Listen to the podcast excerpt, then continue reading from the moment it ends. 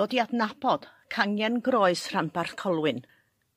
Meinir Hedd Jones ydy'r awdur, ac mae llun o pentre groes ar aelodau gwreiddiol yn 1975. Mae pentre groes rhyw dair milltir ydy o llewyn o ddimbych ar yr A543 sy'n arwain o ddimbych i pentre foelas a llyn brenig. Ardal amaethyddol ydy gyda rhyw hanner cant o dau yn y pentre.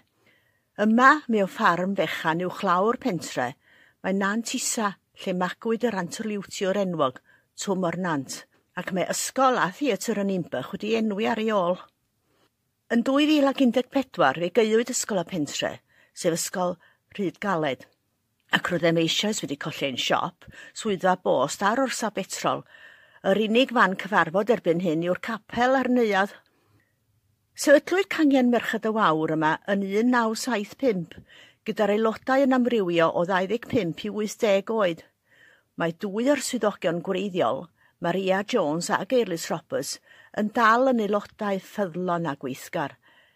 Eleni, 22 o aelodau sy'n gennym, ond bu cyfnod yn ystod yr 80au pan oedd yn agos i ddeugain aelod. Mae Maria wedi cadw bob rhaglen ers y dechrau ac roedd cryn ddiddordeb ynddyn nhw pan oedden ni'n datlu'r deugain.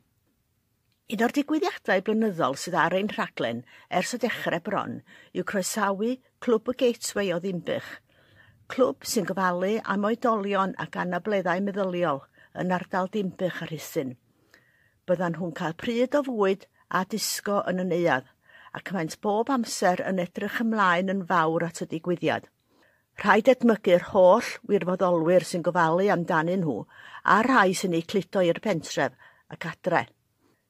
Y man cyfarfod ar y dechrau oedd festru'r capel, ond ymhen blwyddyn roedd gen i'm neuadd newydd yn y pentre, ac fe symudwyd yno gan gyfarfod ar yr ail nos iau yn fusol o fus Medi i fus Mai.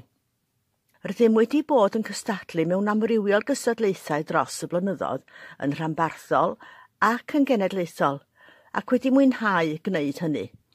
Rydym hefyd wedi gallu croesawu dysgwyr lleol i'n plith yn flynyddol, gan ein bod yn trefnu noson ar eu cyfer y mis Mawrth. Byddwn nhw'n cael cyfle i roi cyfraniad yn ein tro yn y gwasanaeth llith charol ddechrau'r agfyr a drefnir gan Anwen Williams ein swyddo cyswllt. Buam dros gofnod yn gyfrifol am wneud bwyd yn ei sioe leol a drefnir gan glwb ffermwyr ifanc Nantglyn ac roedd hynny'n fod i gadw'r coffrau'r gangen yn iach.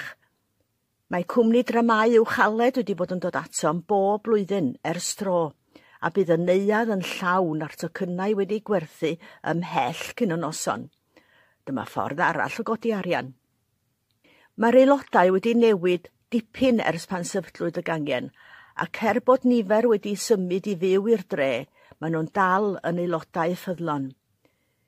Erbyn hyn, Dim ond tair aelod sy'n byw yn y pentre ac eraill yn wragedd ffermydd cyfagos.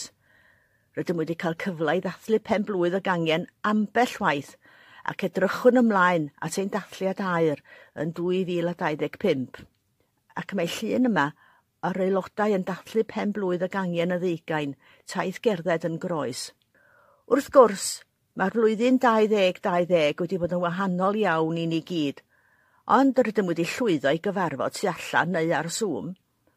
Bu'n rhaid trefnu dwy daith gerdded ym mis hydref, gan fod ein aelodau yn byw mewn dwy sir, conwy a dimbych, a bod y cyfnod clo yn gwahardd symud rhwng y ddwy sir.